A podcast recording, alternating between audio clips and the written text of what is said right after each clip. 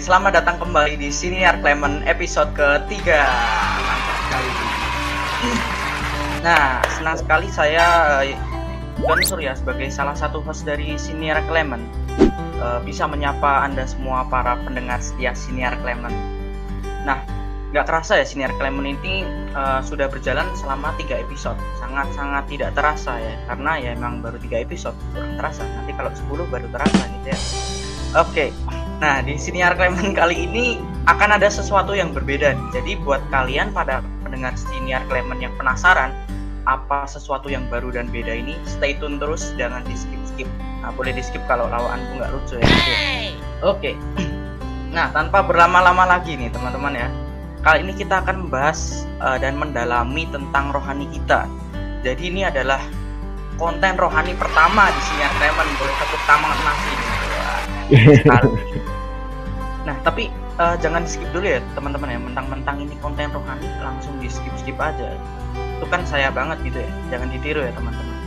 Jadi konten rohani kita kali ini ya akan kita deliverkan ya deliverkan akan kita hantar uh, dengan uh, secara uh, menyenangkan dengan fun dan fresh gitu. Jadi selain uh, teman-teman sekalian ini bisa menerima materi rohani yang kita sampaikan, uh, kalian juga bisa terhibur gitu ya. Nah, tapi ya di sini aku nggak akan sendirian nih teman-teman.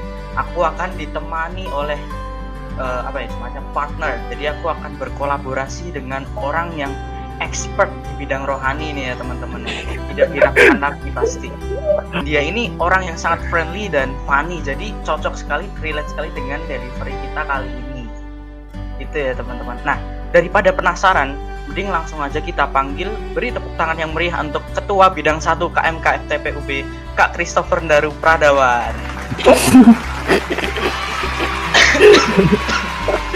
Gila, sangat meriah gitu ya. Halo Bang, apa kabar nih? Baik, baik, baik, baik. Bisa perkenalan dulu Bang? Perkenalan, oke. Nama aku Christopher Daru Pradawan, biasa dipanggil Daru dari bidang 1 KMK 2018. Nah, uh, sebelum masuk ke topik nih Kak, aku pengen tahu nih uh, untuk pertama kalinya nggak sih kayak di wawancara kayak gini? Iya, yeah, pertama kali nih pertama kalinya ayo eh nah jadi karena ini pertama kali ya kita butuh pemanasan supaya nanti waktu kita bahas-bahas topik tuh kita bisa lancar gitu kayak ya. bisa fluent okay. gitu asik oke nah uh, langsung aja nih kita masuk ke segmen segmen baru dari senior Clement yaitu ngosan ngobrol-ngobrol santai ya ngosan ngobrol santai mantap sekali jadi hari ini tuh kan hari uh, tanggal 8 Juni 2020 ya kak.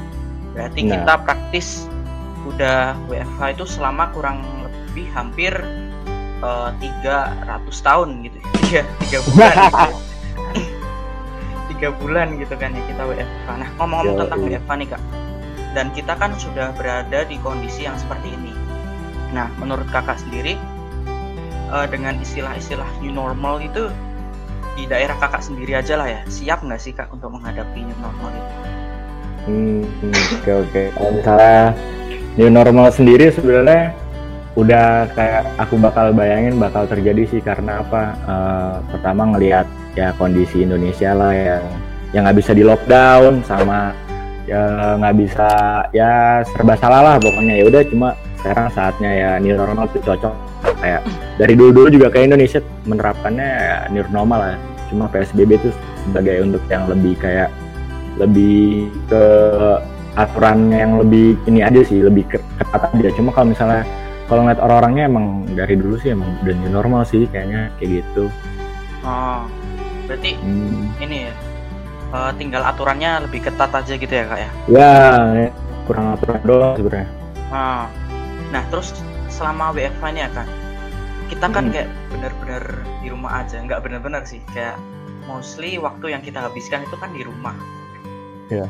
nah kalau aku sendiri ya kak aku tuh kayak merasa uh, mengalami stres kecil-kecilan gitu karena bosan gitu ya kan di rumah karena kita biasanya kan kita keluar gitu melihat orang-orang berjalan melihat uh, orang-orang mengendarai sepeda motor berlalu lintas, melihat dosen menulis di papan tulis, melihat orang batuk dan bersin biasa aja gitu kan ya.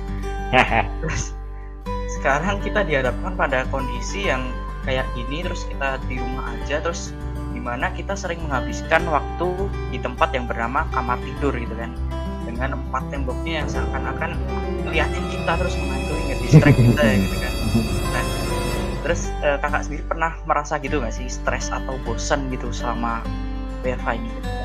Hmm, aku sih kayak untuk sampai level stres kayak kalau sampai level stres kayaknya enggak sih cuma stres lebih enggak ke, ya? uh, uh, cuma lebih ke bosan aja sama lebih ke kangen karena uh, kangen tuh bener-bener waduh susah banget kan ya. Kalau emang kita tuh manusia emang diciptakan kayaknya untuk bersentuhan secara fisik lah kayak gitu Oh, sosial.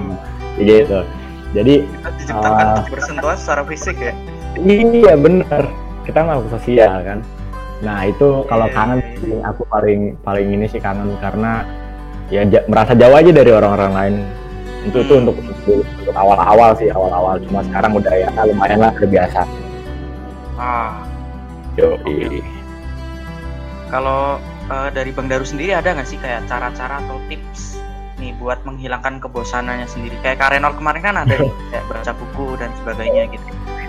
oh, iya, iya. kalau tips dari aku sih ya so ngide lah ya pokoknya ya udah cobain hal-hal baru aja kayak contoh kalau aku sih ya eh, ini apa namanya bikin ah, nyari-nyari resep kopi kayak gitu kayak eh, apa nyari-nyari resep sampai rasanya tuh kayak yang dijual di apa saat, saat inilah dijual sekarang sekarang ini kayak gimana terus aku sama sih kayak karena baca buku ya novel-novel gitulah terus nonton film terus main game online terus eh, oh iya doa sama jangan lupa nelpon orang tua itu deh sama orang perantau. tua ya. Perantauan perantauan kan perantauan nah kalau kuliah gimana Bang aman ya? kalau kuliah kemarin itu lumayan lah sama banyak teman-teman jadi dopingnya banyak lah Waduh. Nilai-nilai udah keluar nih ya. ya nilai udah Wah, mantap mantap. Oke, berarti eh, secara keseluruhan kita WFH ini kayak menimbulkan vibes yang baru gitu. Ya nggak sih ya. ya Nah. benar-benar Oke oke. Nah sekarang kita eh, mulai bisa nih masuk ke topiknya gini. Kita kan udah ngobrol Oke. ngobrol sedikit tadi kan ya.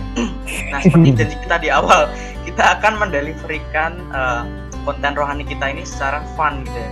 Jadi harapannya kita bisa menghibur juga para penonton kita ini selain kita memberikan materi rohani gitu. benar benar Oke. Nah, eh, di eh, konten rohani ini kita ada pemanasan nih, Kak. Jadi pemanasannya ini eh, sedikit berbeda gitu ya. Jadi langsung aja kita Hmm. masuk ke segmen kuis SKS. waduh SKS. dikar SKS ini.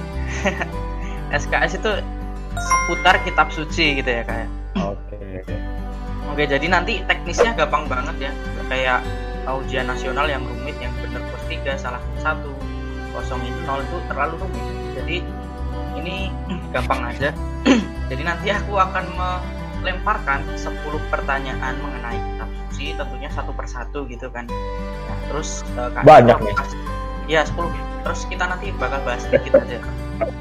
Gak apa dikit eh, banyak tapi gampang-gampang kan. Nah terus aku kasih Benar. waktu Kak Daru 10 10 detik aja cukup lah ya orang expert kok ya. Oh, iya. salah, salah saya. Salah saya. Oke, eh, langsung kita mulai. Ini pertanyaan pertama ini gampang sekali ya kak ya. Pertanyaan pertama ini siapa yang buat soal gampang sekali. Oke, pertanyaan pertama di kota manakah Yesus dilahirkan? Di Bethlehem gak sih? Di kota Bethlehem ya? Yakin ya? iya kayak Iya Bethlehem. Kunci ya jawabannya ini ya.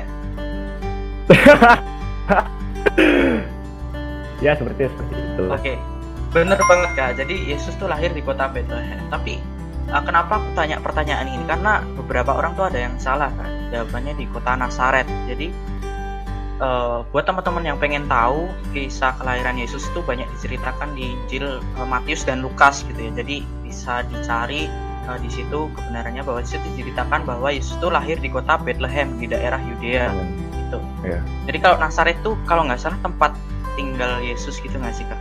Oh, dia di dibesarkan gitu, di, di- dibesarkan kan di Nazaret Galilea kan. Nah, iya, iya, iya. Nah, Jadi gitu. Oke, pertanyaan pertama betul. Lanjut ke pertanyaan kedua. Pertanyaan kedua ini berkaitan erat dengan eh, ini kak, yang barusan kita rayakan yaitu Hari Raya Paskah. Di pertanyaan kedua ini berapa hari Yesus puasa di padang gurun? 40 hari Nes. Bah, betul sekali. 40. Nah, Tepatnya 40 bener hari banget. 40 malam. 40 hari malah. Jadi Yesus itu berpuasa di gurun yang namanya gurun Yudea kak ya. Jadi Betul. pada masa puasanya tersebut ia kan sering diganggu eh, apa Yesus tuh sering diganggu oleh iblis. Nah Iblis. pencobaan-pencobaan yang dilakukan itu ada tiga macam. Jadi percobaan dengan eh, berkaitan dengan hedonisme atau keinginan daging, egoisme atau keangkuhan hidup, dan materialisme atau keinginan mata gitu. Catat nih ya teman-teman karena di akhir nanti ada kuis gitu. Enggak. Oke, lanjut ke pertanyaan ketiga ya, Bang. Yo, iya. Iya, iya. Di pertanyaan ketiga ini Ah, ini pertanyaan gampang lagi nih. Siapa yang membuat ini gampang sekali? Manakah Yesus dibaptis dan siapa yang membaptis? Oh, Yesus itu dibaptis di Sungai Yordan. Yordan dan dibaptis oleh Yohanes Pembaptis. Nah, Iya, betul Yohanes. sekali. Ini orangnya nih lagi wawancara Saya, saya. tapi. Tidak layak sekali gitu. Oke. Jadi di salah satu kitab suci yang saya lupa itu Injilnya di mana ya. Saya lupa cari sebenarnya. Jadi dikatakan bahwa Yesus datang dari Nazaret ya, Nazaret tempat tinggalnya di daerah Galilea tadi ke Sungai Yordan kepada Yohanes untuk dibaptis. Oke, lanjut ke pertanyaan keempat. Pertanyaan keempat ini, Bang. Ah, betul. Ini agak susah, ini agak susah. Waduh. Siap. Siapakah nabi yang berkata, "Inilah aku, utuslah aku"?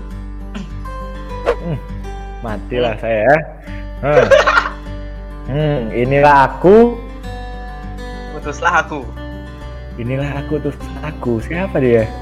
Ah, Ini jujur aja aku juga nggak tahu ini pertama kali pertanyaan siapa? ya? Nabi Nabi inilah ya.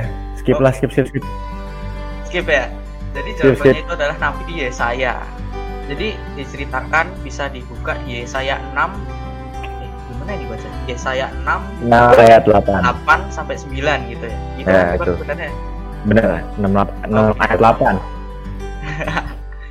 Nah, di situ dikatakan lalu aku mendengar suara Tuhan berkata, "Siapakah yang akan kuutus?" Nah, lalu si Nabi Yesaya ini menjawab, "Ini aku, utuslah aku." Dan kemudian firman Tuhan berkata, "Pergilah dan katakanlah kepada bangsa ini, dengarlah sungguh-sungguh tapi mengerti, jangan. Lihatlah sungguh-sungguh tapi mengang- menanggap jangan. Ya gitulah kira-kira. Bisa dibuka sendiri. Di Yesaya 6 ayat 8 sampai 9 oke lanjut ke pertanyaan kelima. Pertanyaan kelima ini juga seputar nabi-nabi bang ya. Ini agak sulit. Hmm. Nabi nih ya. siapakah nabi yang pekerjaannya ini memungut buah ara hutan dan dia ini adalah seorang peternak di Tekoa waduh ini Ini pertanyaan dari Bina Iman mana nih? peternak di Tekoa nih bang Peternak. Tekoa. Nabi Yusuf, bukan? bukan bukan Bukan Nabi Yusuf ya. Nabi ini ini clue clue ini kiper bang dia ini kiper Ah, ah. Kiper deh.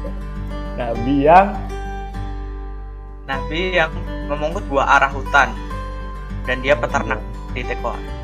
Nabi peternak berarti ya? Siapa? Bener peternak. Si kali. ini Nabi Musa ya? Bukan, bukan. Bukan kan? Am- apa Amos? Amos. Ah, bener Amos. Amos ya, Gila, Amos. keren, keren, keren. itu searching apa tahu itu? Enggak, ini kan di dekat sini nih, dekat keyboard. Oh. Jadi bener. Jadi eh, Nabi yang kerjanya memungut buah arah di hutan dan peternak di Tekoa itu Nabi Amos. Jadi bisa dilihat di Amos 1 ayat 1 gitu diterangkan bahwa dia ini tinggal di desa pinggiran daerah Yehuda wah Yehuda ini kakak kakak kita ini kira-kira 15 km di sebelah selatan kota Bethlehem jadi itu Nabi Amos berasal dari situ Kak